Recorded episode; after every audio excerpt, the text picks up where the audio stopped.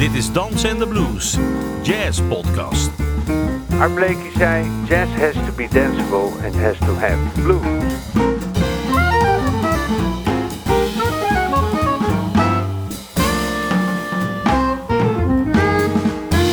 Je luistert naar een aflevering van Dansen en de Blues. Een podcast over jazz met kleurrijke gasten, indringende gesprekken, sterke verhalen en vooral swingende muziek. Mijn naam is Ben van der Dungen en vandaag spreek ik met Simon Richter. Het is het tweede deel van een podcast eh, met een gesprek wat ik met hem voer over de ins en outs van het improviseren van jazzmuziek. eh, wat daar allemaal eh, zo voor nodig is. En wat er allemaal bij komt kijken. En hoe dat allemaal zich met elkaar verhoudt. En ja, ik. Siem, we, we gaan een stukje luisteren van eh, Charlie Parker? Billy's Bounce. Ja. Eh, waarom wil je dat laten horen? Nou, we hadden in de vorige podcast eh, kwam het al even langs, hè, want dat waren die transcripties zingen en dergelijke. En jij zei, wat doe je daar nog meer mee? Of daar hadden we het over. Ja. En toen kwam al die eerste maat van die Billy's Bounce solo van Charlie Parker. Daar zit bijvoorbeeld een ideetje in wat je kan uitwerken. hè, als voorbeeld van wat je met een transcriptie kan doen. Ja, want je, je, haalt eigenlijk je ideeën, zoals elke, elke jazzmuzikant, gewoon van je omgeving. Hè? Van, eh, van de plaatjes die je hoort, de solo's en de thema's en eh, hoe andere mensen het gedaan hebben. En dat, dat wordt dan een soort studiemateriaal, want je haalt het niet allemaal uit een boek, neem ik aan. Eh, nee, meestal toch gewoon van de plaat of inderdaad uit die themaatjes. Maar er zit vaak, eh, je komt vaak achter een ding wat ze misschien wel geoefend hebben. Hè? Want dat hoor je dan in verschillende opnames terugkomen. Ja. En, en wat denk je, wat is dat dan? Hè? In plaats van alleen dat ene loopje te kopiëren, ga je proberen erachter te komen, wat heeft hij nou eh, gestudeerd? Of wat zou hij gestudeerd kunnen hebben? Ja. En daar ga je dan mee aan de haal. Hè? Om, om, om daar gewoon vrij mee om te kunnen gaan. Want anders Ja. zou je alleen maar dat loopje op die plek kunnen spelen en dan... eh, Precies, en je wil heel flexibel worden hè, de- eh, door de toonaarden en je vocabulaire uitbreiden. Hè. Dus er zijn allerlei ideetjes die we oefenen. En het eerste gedeelte van die solo, daar zit iets specifieks in. Ja, die eerste maat van zijn solo, dat is al een eh, ding waar je eh, jezelf al een tijdje mee eh, kan bezighouden. En wat is dat? Eh, nou, daar, gaan we het zo meteen over hebben. Maar dat, eh, dat is, eh, je kan het zien als tertsen verbinden. Dus la- laten we even gaan luisteren. Dan Ja, gaan we dat zo meteen een beetje uitdiepen.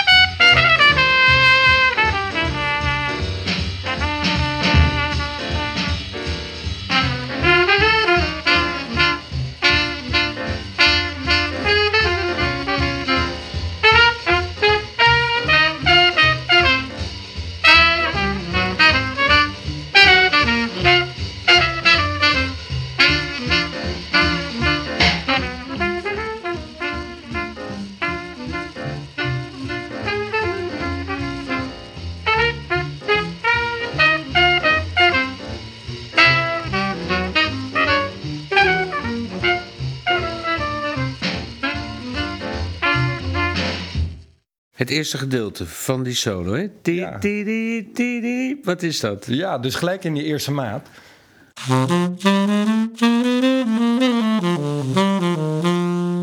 Hè, dus je hoort... Dus daar, zit, daar hoor ik een drieklank in. Ja. En een drieklank bestaat uit twee tertsen. En het, hij verbindt die tertsen op een bepaalde manier. En je kan daar op verschillende manieren naar kijken. Je kan zeggen dat hij twee halfjes voor de terts doet. Je kan ook zeggen dat hij een eh, noot uit de ladder doet. En dat hij nog een halfje toevoegt aan het Ja. eind. En als je er twee doet, dan krijg je die drieklank.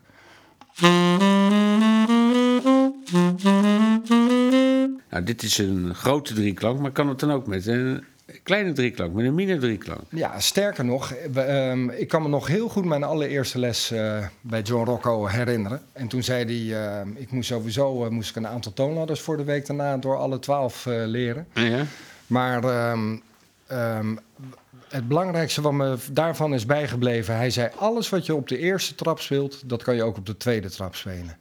Alles wat je omhoog speelt. dan moet ik misschien even uitleggen dat de tweede trap dan een minor-akkoord is. Ja, dat is inderdaad een minor. Maar, maar hij zegt, eh, alles wat je op de eerste trap speelt, kan je ook op de tweede trap spelen. Alles wat omhoog gaat, is er een manier dat het omlaag gaat. Alles wat je in major speelt, kan je in minor spelen. Ja. En, je alles wat je op de tweede trap speelt, kan ook op de derde, de vierde, de vijfde. de Precies, hè, dus, dus dit loopje van hem, dat zou je op elke trap kunnen vinden.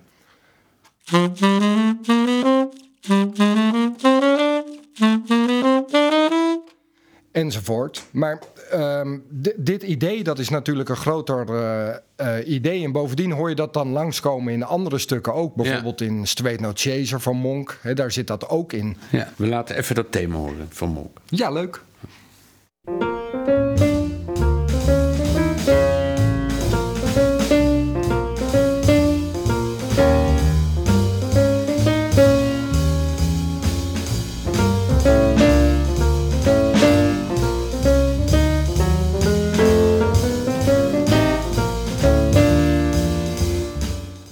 Het zijn dus eigenlijk motiefjes, hè? kleine, kleine eh, structuurtjes, Ja. die je allerlei ideeën geven tot verdere exploitatie van, van, je, van, van dat gegeven. En dat, dat leidt dan tot allerlei andere dingen.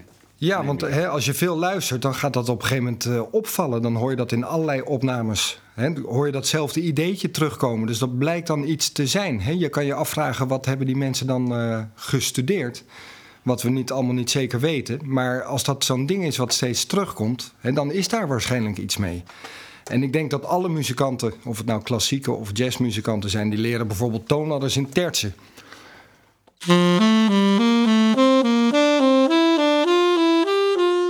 En dat is eigenlijk hetzelfde idee. Je hebt een figuurtje, een motiefje, Ja. een terts, 1-3 zou je kunnen zeggen. En dat kan je op elke noot van de toonladder kan je dat spelen. En dan, hè, alles wat omhoog gaat, gaat omlaag. Dus in plaats van 1-3 zou het ook 3-1 kunnen zijn. En misschien 1 omhoog, 1 omlaag, weet ik veel. Hè, er zijn allerlei variaties. En dat moet natuurlijk met veel meer motiefjes kunnen dan alleen met een terts. Of, en de meeste mensen doen wel tertsen, drie klanken, vier klanken op al die trappen. Hè, een drieklank zou zijn.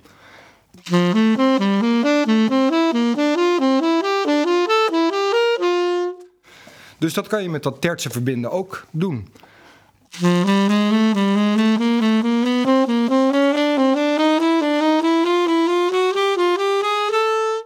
En dan komt die stem van John weer in mijn hoofd. Alles wat omhoog gaat, dat gaat omlaag.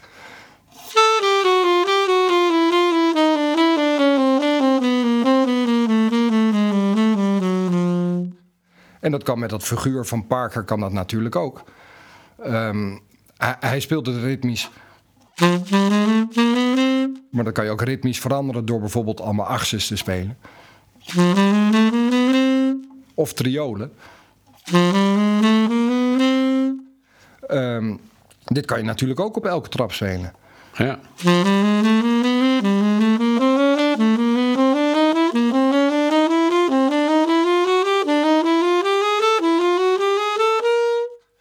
Alles, aan de eerste trap.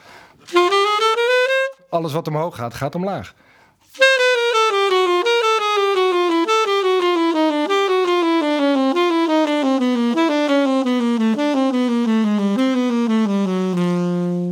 Ja, en als je dan die tertsen zeg maar eh, verbindt, dan kan dat ook met een ander interval, neem ik aan. Precies, hè? dan kan je ook Ja. denken dat moet toch ook met kwarten en kwinten of zo eh, kunnen. Dus als je dan eh, op die manier denkt eh, van ik speel de ladder, maar ik voeg er één grammatische noot aan toe en dat doe ik zo laat mogelijk, dan hebben we in de ladder, hè, dat noemen ze dan diatonische kwarten.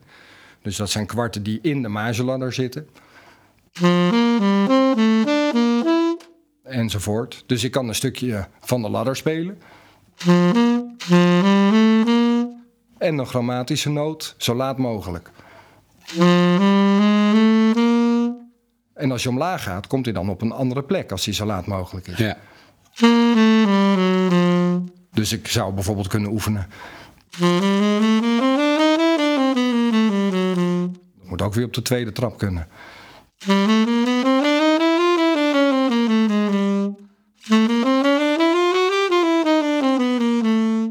Nou, dat moet ook met kwinten kunnen.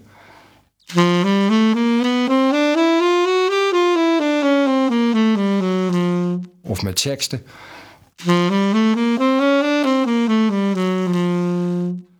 Nou ja, en zo, als je daarin duikt, dan krijg je vanzelf eh, krijg je meer ideetjes. Want een, bijvoorbeeld een drieklank, dat is 1, 3, 5. Ja. Maar het is natuurlijk ook 3, 5, 3, 1.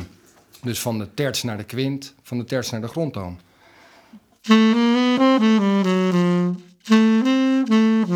Hoor je dan in feite in de Ja. reductie.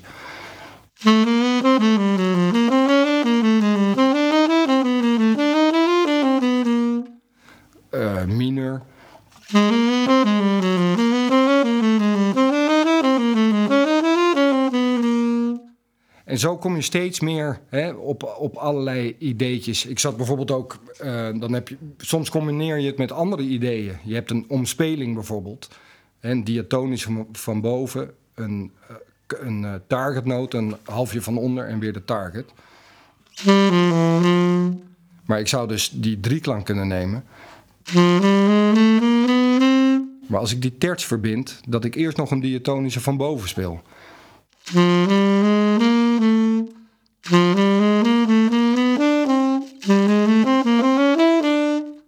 Zo begint het al snel uit de hand te lopen. Ja.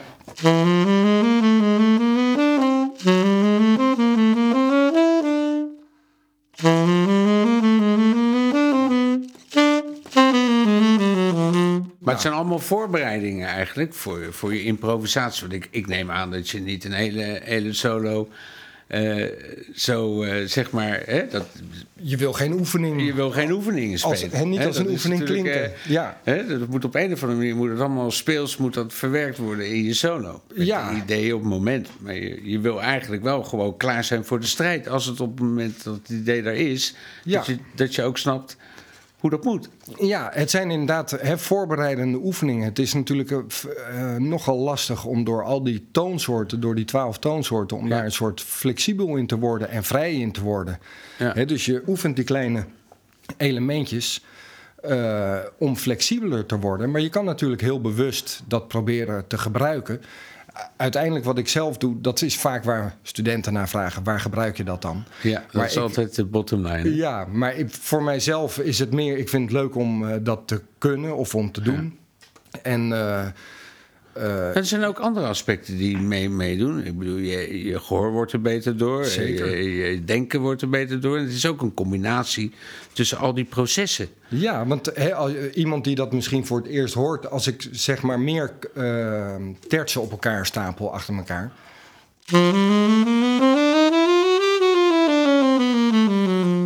Iemand die denkt misschien, nou, dat is een soort grammatische ladder. Hè, maar ik hoor daarin... ja.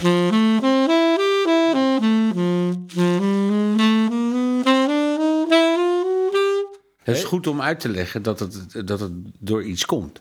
Ja, dus komt- je bent je gehoor aan het eh, oefenen. En zelf denk ik dus eigenlijk, je bent wat je eet en je speelt wat je studeert, zou ik maar zeggen. En Ja. Ik, ik heb meer de hoop dat dat spontaan in mijn spel zal opduiken.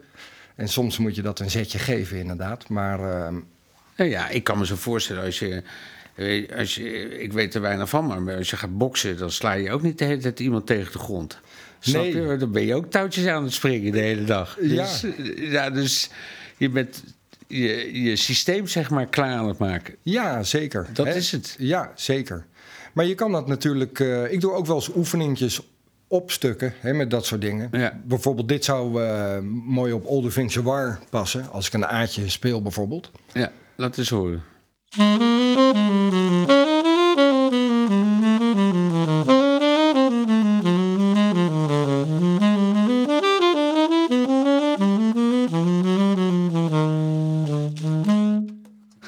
Dit was dan nog wel een beetje als een oefening. Ja. Eh, maar heel vaak komt het gewoon ergens eventjes langs. Hè, je En, je gaat ook op een gegeven moment, zeg maar, je, het materiaal wat je hoort, hè, gewoon plaatjes die je opzet, ga je het opeens herkennen. Want het komt opeens overal voorbij. Dan denk je, Ja. oh ja, hier, oh ja, hier speelt dit ook. Hier.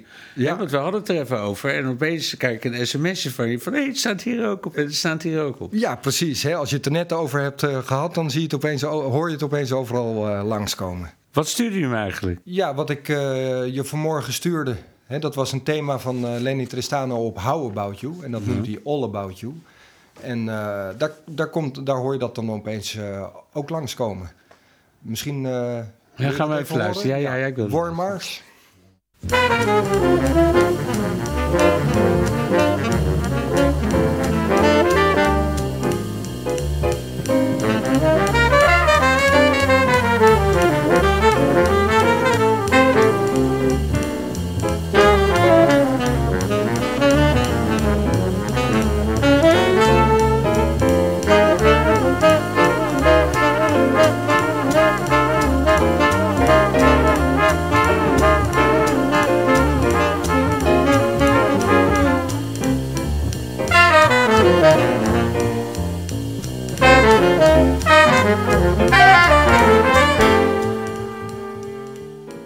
Het even uit, zien, want eh dit gaat me ook te snel. Ja, dat is natuurlijk moeilijk. Hè? Dat zijn hele geavanceerde thema's van Lenny Tristano. Helemaal te gek eh, trouwens. Maar op een gegeven moment zit er dit loopje in.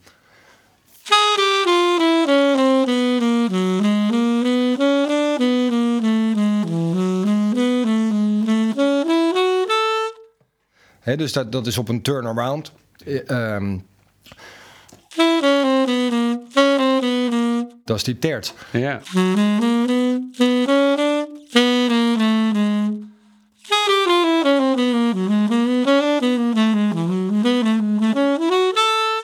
En zo zit dat wel in meer thema's van eh, Lenny Tristano eh, trouwens, die enorm door, eh, door Parker is beïnvloed natuurlijk. Het zit ook in Lenny Bird, dat begint...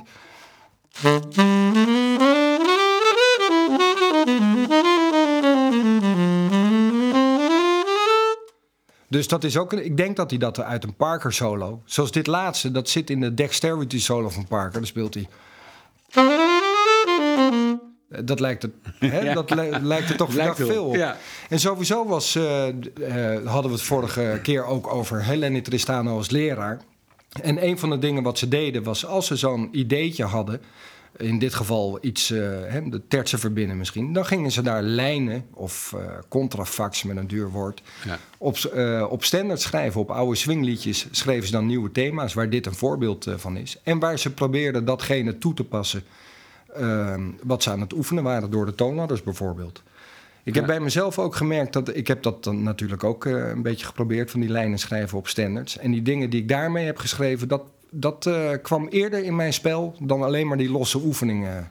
Ja, die, die losse oefeningen zijn natuurlijk eh, te abstract. Dat zijn, Ja, die zijn gewoon nodig hè, Ja. om het te kunnen vinden op je instrument en om flexibel te worden. Maar ik denk dat als je het in context van een stuk hoort, hè, voor jezelf, als je het op een stuk hebt geschreven en je hoort dat in een bepaalde context, dat dat dan bij jezelf dieper binnenkomt en dat dat dan ook sneller in je spel eh, verschijnt. Ja, misschien dat, eh, dat eh, de luisteraar nou denkt dat het alleen over die tekstverbinding gaat. Weet je wel, of die in te vallen. Het maar kan tal van ideeën. Hè, maar die, Ja. eh, die ladders, die hè, dat is een groep met noten, daar kan je van alles mee. Hè. Je kan ze ook omspelen, Ja, bij wijze van spreken. ja. Hè, dat is een soort platform waar je van alles op kan loslaten, ja. die toonladders. En over die omspelingen. Misschien is dat eens leuk om, dat, eh, om, eh, om daar eens eh, wat over te zeggen. Ja, nou, er is een omspeling is ook een heel groot onderwerp en dat kan je op allerlei manieren doen. Maar misschien om nog zo'n idee uit te lichten, wat, van, hè, wat je van een plaat zou kunnen halen, kunnen we misschien even luisteren naar Joy Spring van Clifford Brown. En daar zit ook een loopje in zijn solo. Ik meen dat het het eerste tussenstuk is wat hij speelt waar dat loopje in zit. Maar dat zal ik zo meteen nog wel even uitlichten. Dat is ook zo'n figuurtje wat ik dan door de ladders heb opgeschoven. Oké, eerst even naar eh, Clifford Brown.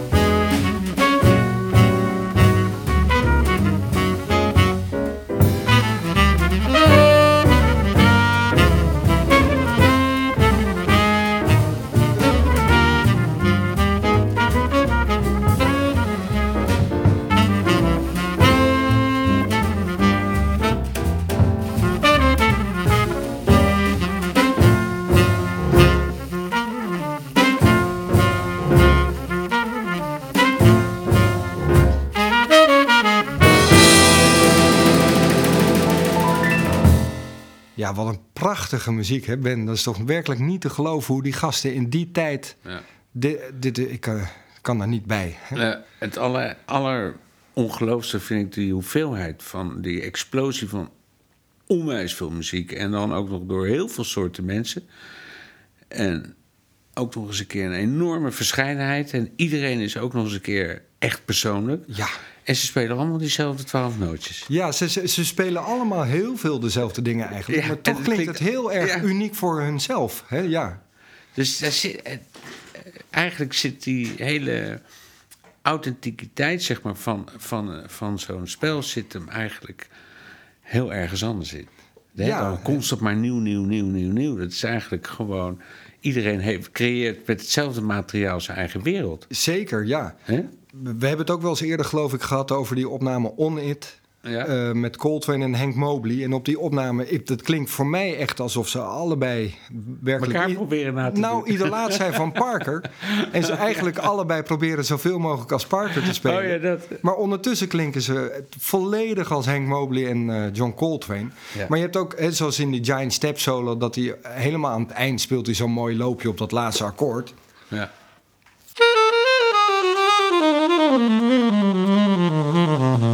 Een soort dat- eh, klassiek Beethoven. Ja, dat is eh, gewoon ding. Beethoven, toch? Ja. Of Strauss. ja, dus dat eh, ook toch eens een keer gewoon eh, die traditie automatisch meenemen. Ja, voor mij is dat eigenlijk hetzelfde basismateriaal. hè, maar die, voor- die gasten zelf deden dat natuurlijk ook. ja, zeker, zeker. Maar eh, even naar Joyce Spring weer. Hè, dus in het tussenstuk speelt hij volgens mij... eh,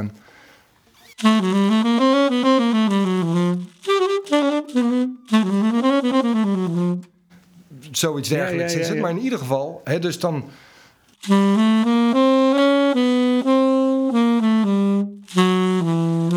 Dat valt dan op. Hè? Of dat valt me op. En dat, eh, dat zijn dus de grammatisch omliggende noten. Hè, dus als ik deze noot heb, dan zit daar een halfje boven en een halfje onder. En dat hoor je dan ook eh, op allerlei eh, opnames eh, terugkomen. Bijvoorbeeld in dat thema van Coleman Hawkins, eh, Bean and the Boys. Dat is gebaseerd op. eh, ik ben even de titel kwijt. Lover, come back to me. Dat is Ja, dat is hem. Ja. Bean and the Boys, Coleman Hawkins.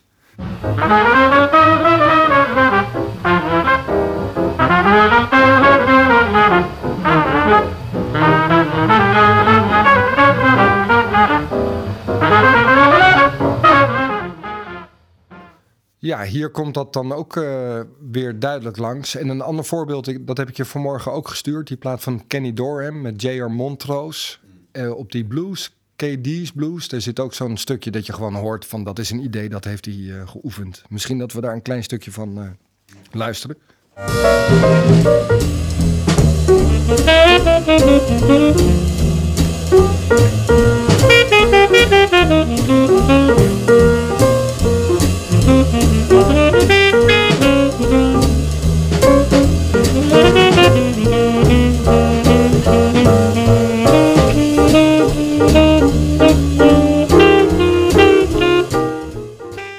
Ja, ook hier weer. Hè, hoor je het, heel, het zat eerst al een beetje verdekt. Maar dan begint hij heel duidelijk. Dus dat zijn de chromatic surrounding notes. En dat hoor je op allerlei plekken, dus zoals we gezien hebben, terugkomen. Dus dat loopje van Clifford.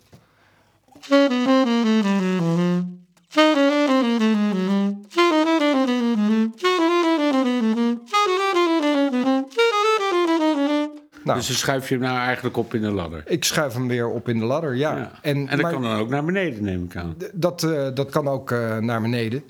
Ehm, maar dat idee, de, hè, de chromatic surrounding notes, Ja. daar kan je natuurlijk ook zelf hè, het een en ander mee verzinnen.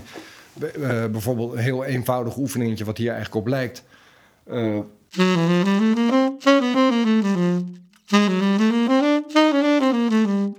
Dat kan je door de ladder schuiven. Ehm, maar bijvoorbeeld ook als je tertsen hebt.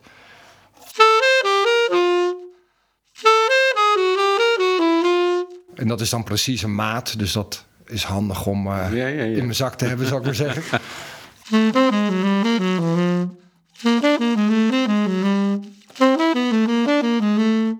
Dus dat kan je ook weer opschuiven en, de- en dat kan je op allerlei manieren.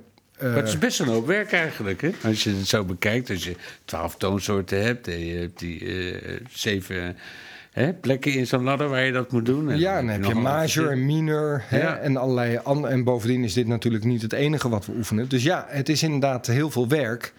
Veel Ehm, studeren en een hele hoop werk. Ja, dit doet me denken aan. eh, ik zat vroeger in de band hè, van Kees Slinger. Ja. De Buddies in Soul. Met Ruud Bruls ook toen al.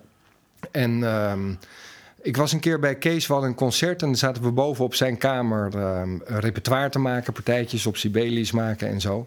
En eh, geloof het of niet, maar daar logeerde dus Jimmy Hees. Een van mijn allergrootste helden. En jij was erboven. En Jij ik zat boven, ja. En hij zat beneden lekker te studeren. En hij zat lekker beneden te studeren. Bovendien, er sliepen daar bij Kees en Hilde... en Philly Joe Jones heeft daar gelogeerd... Clifford Jordan, Zoet Sims. Je gelooft het werkelijk niet. Allemaal aan de Van Merlenstraat. Ja, precies. Hè? Dus echt ongelooflijk. Maar in ieder geval, ik was daar met Kees... en we waren wel drie uur bezig. En Jimmy Heath, ik meen dat hij toen 76 eh, was... Die was gewoon drie uur lang was hij aan het oefenen eh, op Giant Steps en nog wat andere dingen kwamen er langs.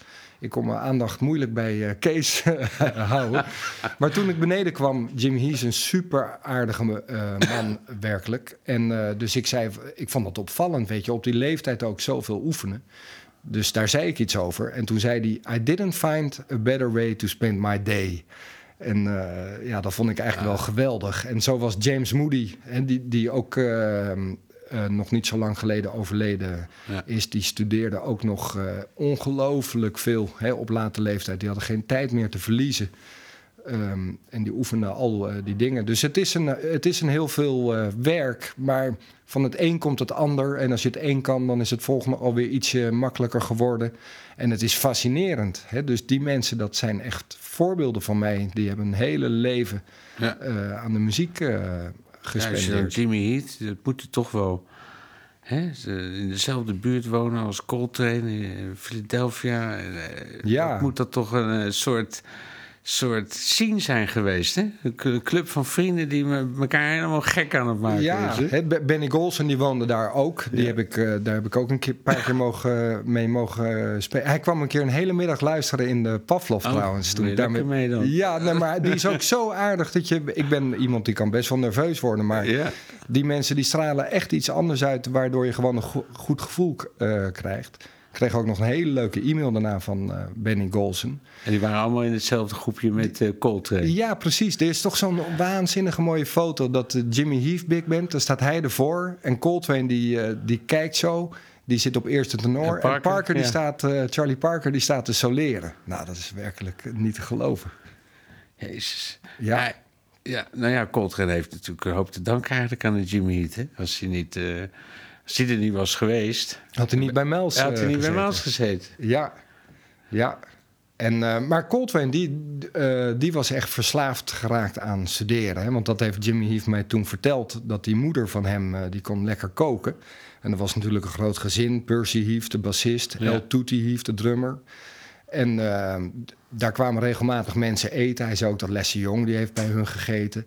en eh, ja, dat is toch niet te geloven. Maar ook Coltrane, en eh, daar vertelde hij over. En eh, dat vond die moeder uiteindelijk helemaal niet zo heel erg leuk. Maar Coltrane die was zo verslaafd aan het studeren... dat hij tussen de gangen door ging hij naar de slaapkamer van Jimmy... om nog even te oefenen. Wat een krankzinnigheid eigenlijk.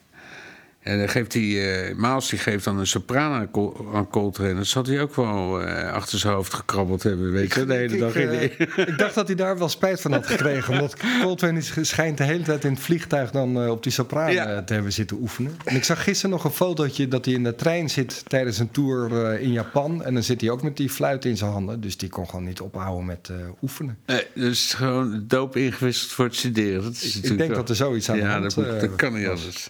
Even terug over Kees. Hè? Kees, Ja. dat is eh, iemand die heel veel met Amerikanen gespeeld heeft. Ja. En je had het net even over, over Curtis Fuller. Heb je daar ook nog mee zitten praten? Want die heeft natuurlijk met Coltrane ook gespeeld. Ja, de, die staat op die eh, beroemde Blue Train eh, opname. Ja. De enige plaats voor Blue Note die Coltrane heeft opgenomen. En ja, ik heb met Curtis, die, die logeerde ook bij Kees en Hilde. En ik heb in die week ook opgenomen met hem met Peter Bates. Op het Amersfoort eh, Jazz Festival. We wisten niet dat dat een cd werd, maar goed. Eh, ehm, maar in ik heb geval... trouwens op de Spotify op die playlist eh, gezet. Maar ik hoop niet dat je het erf nee. Ik, maar in ieder geval, die logeerde bij, bij Kees ook. Maar dat was nogal een onfortuinlijke week. Want die- week belandde Kees in het ziekenhuis met hartproblemen. En Curtis die zat dus toen alleen bij Hilde in huis. En daar voelde hij- zich eigenlijk ongemakkelijk bij, weet je wel. Alleen bij de vrouw van Kees. Hè? Keurige man, eh, Curtis Voeler. Maar in ieder geval, dat hadden Peter en ik door. Dus toen zijn we elke dag langs geweest. En eh, hebben we Curtis meegenomen eh, op stap. Wat ontzettend leuk was. En hij was in het begin best wel een beetje afstandelijk. Maar, en, eh, maar de tweede dag eh, nam hij al een wijntje meer. En de derde dag eh, toen Sloeg de vlam in de pan. sloeg de vlam in de pan. Dus we gingen naar Murphy's Law en weet ik veel wat. Dat was echt super leuk om, om dat mee te maken. En hij vertelde daar ook een verhaal over die Blue Train opname. Hè, wat echt een klassieker is. Maar hij kreeg een stuk voor zijn neus. Dat had geen titel. Maar het was wel ongelooflijk moeilijk. En toen zei hij tegen Coltrane... eh, die had er natuurlijk al lekker maanden op eh, geoefend... Van, eh, you can't give me this on a moment's notice. En vervolgens schreef Coltrane erboven... Moment's notice, dat vond hij wel een goede titel. en Curtis, die was niet zo heel blij met die opname. En hij liep met Lee Morgan de studio uit, een beetje, een beetje sip. En Lee Morgan die zei, ja, deze plaat die gaat geschiedenis worden... wat het ook gebeurd is. En dan is, is het toch vrij ongelooflijk dat eh, Curtis die vertelde dat eh, ze liepen naar buiten en ze hadden geen plek om te slapen en ze hadden ook geen geld om te eten. Dus ze hebben bij een fruitstalletje hebben ze een paar bananen gestolen. En ze hebben samen op een bankje in Central Park eh, de nacht doorgebracht. Lee Morgan en Curtis Fuller, onze helden. En na het opnemen van zo'n topplaat. Van zo'n klassieker. Jezus. Ja. Even terug over, over Kees. Eh, hoe lang speel- speelde je al met hem? Ja, hoe lang zal ik met hem... Ik ben altijd heel slecht met jaartallen en al dat soort dingen. Maar ja, ik weet niet. Dat, Hij dat, had op een gegeven moment dat octet en toen is hij Body Soul. Ja, op een gegeven moment, ik was toen net van school af, dus ik zal eh, 23 geweest zijn, denk ik. En toen begonnen we de Buddies in Sol. Ehm, en eh, hij bracht Ruud Bruls daar ook bij, die kende ik zelf eh, nog niet. En ik speel eh, nu nog steeds met Ruud en we zijn hele dikke vrienden ook. Ja.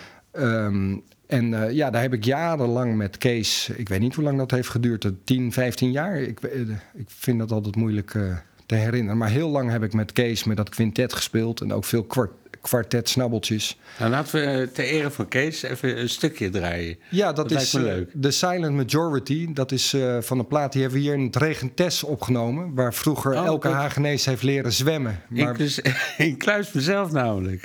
ja, en dat is nu, hè, zoals je weet, een theater. Ja. En daar hebben we toen een cd opgenomen met de buddies.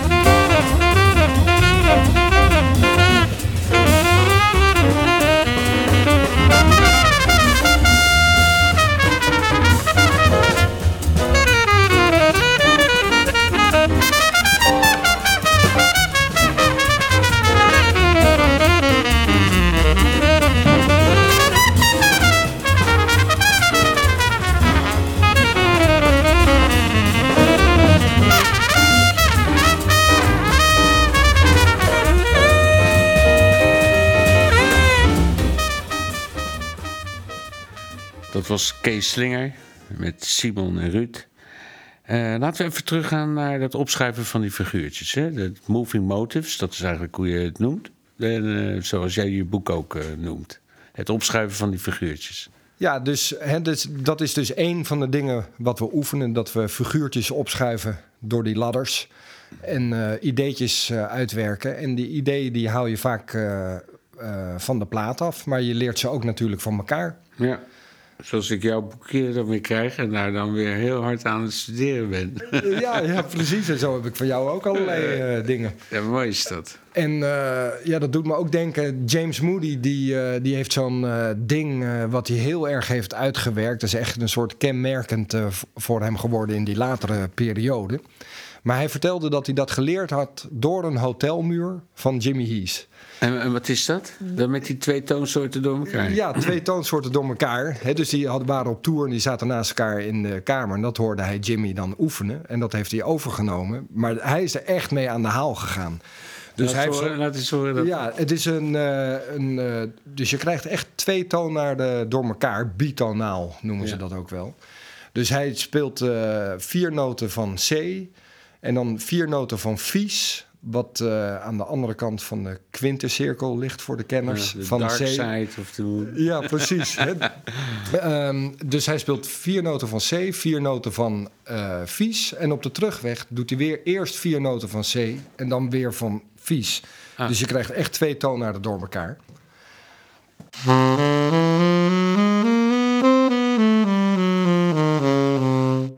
Nou ja, als je dit hebt, dan denk je gelijk van eh, laat ik weer eens eh eh, ladder in tertsen doen. Zo ben ik ook begonnen toen ik alleen in één toon Ja, laat eens horen.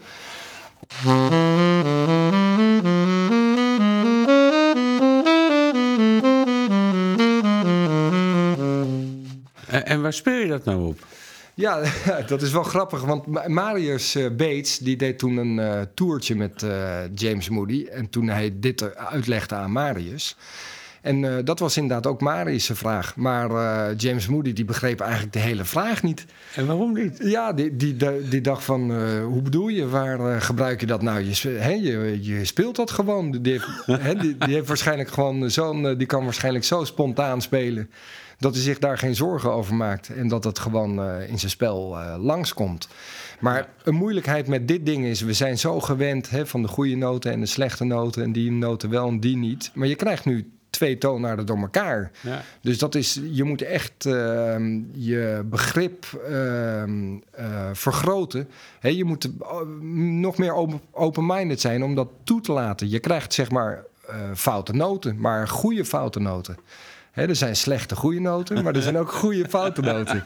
En hiermee krijg je dus goede, goede foute noten. En eh, ja, als je hem dat hoort spelen... Hij heeft trouwens allerlei van dat soort... eh, Ja, hij heeft die hele studie met polychords. Of, eh, ja, man, die heeft echt alles bekeken. Hè, die was ook op late leeftijd nog keihard gewoon aan het studeren. Ehm, er is eh, een plaat van Larry Goldings. Daar eh, spelen ze eh, The Plain But Simple Truth. En dat is ook eh, samen met Mark Turner. En ik meen dat eh, James Moody ook ver in de 70 eh, is op deze opname. Maar hij klinkt echt als een eh, jonge hond. Dus eh, ik stel voor dat we die nog... eh, Ja, we gaan even naar James Moody luisteren. Mark Turner.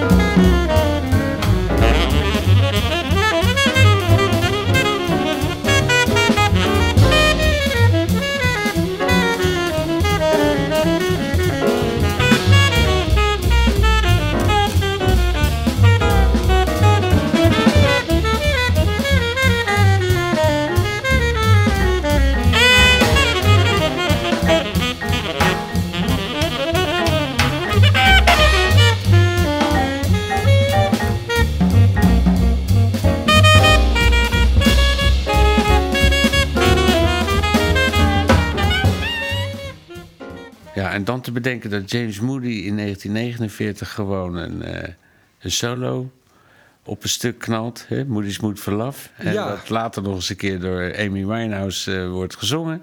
Ja, en nog door een andere zanggroep eh, ook. Ja, Take Six ja. of zoiets. Eddie Jefferson die heeft die tekst gemaakt. Ja. Hè? Maar hij, hij ging gewoon I'm in the mood for love opnemen in de studio. Dat moest hij of weet ik veel wat. Maar hij kon, eh, hij kon zich de melodie niet meer herinneren. Dus hij speelde wel wat. Ja, toen dacht hij, nou, ik maak er wel wat van. Hopen dat ze dat goed vinden. Maar dat is dus... Maar dat je al zo lang eh, meega- meegaat. Hè? Je bent eigenlijk bij het begin geweest van eh, de geboorte van de bebop. Je zit ook nog bij Dizzy in de band. Wat Ja, hij- een soort superleermeester is. hij begon in die Dizzy Gillespie Big Band. Ja. En, Big Ba- en eh, Dizzy was helemaal gek van hem. Hij Noemde hij hem ook niet de andere kant van zijn hartslag? De the other half of my heartbeat? Zoiets. Maar in ieder geval, die twee waren heel nauw eh, hem, met elkaar. Ja, en ook tot het einde toe altijd gespeeld. Want hij zat ook in, eh, altijd met het quintet, weet je wel. Dan zat hij weer op alt en dan weer op tenor. En, eh, Fluit. Ja. ja. ja. Ongelooflijk. Dus dat waren maatjes echt. Ja, die waren, die waren heel eh, close. En natuurlijk is Dizzy altijd een leermeester voor iedereen geweest, hè, denk Ja. ik. Dus ook voor eh, James Moody. En ze waren ook nog eens een keer heel grappig. Die hadden een heel, heel goede balans tussen waanzinnige muziek en ook dat het eh, entertain, entertaining is. Ja, ik speelde met, met, met Jarmo in een keer in een voorprogramma van Dizzy met James Moody. En Dizzy zat alleen maar achter de wijven aan en de rotjes te gooien. was met oud en nieuw. Maar James Moody was echt heel eh, netjes en heel aardig. En die, eh, die gedroeg zich echt heel netjes. Was Ja. een super aardige vent. Ik heb hem ook een keer- gesproken toen hij volgens mij al 80... Hij was toen bij de WDR Big Band, speelde ze in Duitsland. En toen hebben Sjoerd Dijkhuis en ik eh, samen de auto genomen eh, naar Duitsland om hem eh, te zien. En toen hebben we hem ook gesproken en dat was, eh, hij was uitermate aardig. En eh, begon de hele tijd over dat hij naar huis moest omdat hij nog moest studeren. Want hij hoorde het wel, maar hij kon het niet spelen. hij, zei, hij heeft trouwens op een dove school gezeten, schijnt. Het, hij had iets met zijn gehoor. Eh, hij hoort niet de, S-klank, geloof ik. En, maar hij heeft als kind op een dove school gezeten. Ja. vanaf, eh, hij moet ook eh, iedereen hebben meegemaakt. Hoe, hoe, hoeveel jaar heeft hij niet gespeeld? Ik, ja, ik zou het niet weten, maar hij is in de tachtig geworden. Hij is pas een paar jaar geleden overleden. Oh. Ja, dus hij heeft echt alles, eh, alles meegemaakt. Het is ook nog een tijdje niet zo goed met hem gegaan, geloof ik. En later was hij helemaal totaal clean. En eh, hij zei ook gelijk tegen ons dat we niet moesten roken, hè, omdat het slecht voor je gezondheid is. Netjes? En- ja, ja, ja. Maar eh, ja, dat, was, eh, dat zou ik ook nooit vergeten, eh, die avond. En dat, wij, dat hij zo aardig tegen ons was en dat we gewoon met hem eh, zaten te kletsen over van alles eh, en nog wat. Terwijl het zo'n grote held is. Ja, Siem, dit was het eh, tweede deel van de podcast met Ja. jou. Eh, we gaan nog een deel drie maken natuurlijk. Eh, dan gaan we het over andere dingen hebben. En eh, ja, Jimmy Heath, James Moody, Parker, Clifford Brown. Ja, allemaal mooie mensen. Ja, you name it. De ins en outs van de jazzmuziek. Tot de volgende keer. Dit was Dansen en de Blues. Een podcast over jazz door Ben van der Dungen, Thijs Nissen en Tom Ridderbeeks. Abonneer je snel en laat een goede waardering achter. Wil je meer weten? Kijk dan op dansenendeblues.nl en volg ons op Instagram en Facebook. Dankjewel voor het luisteren en tot de volgende keer.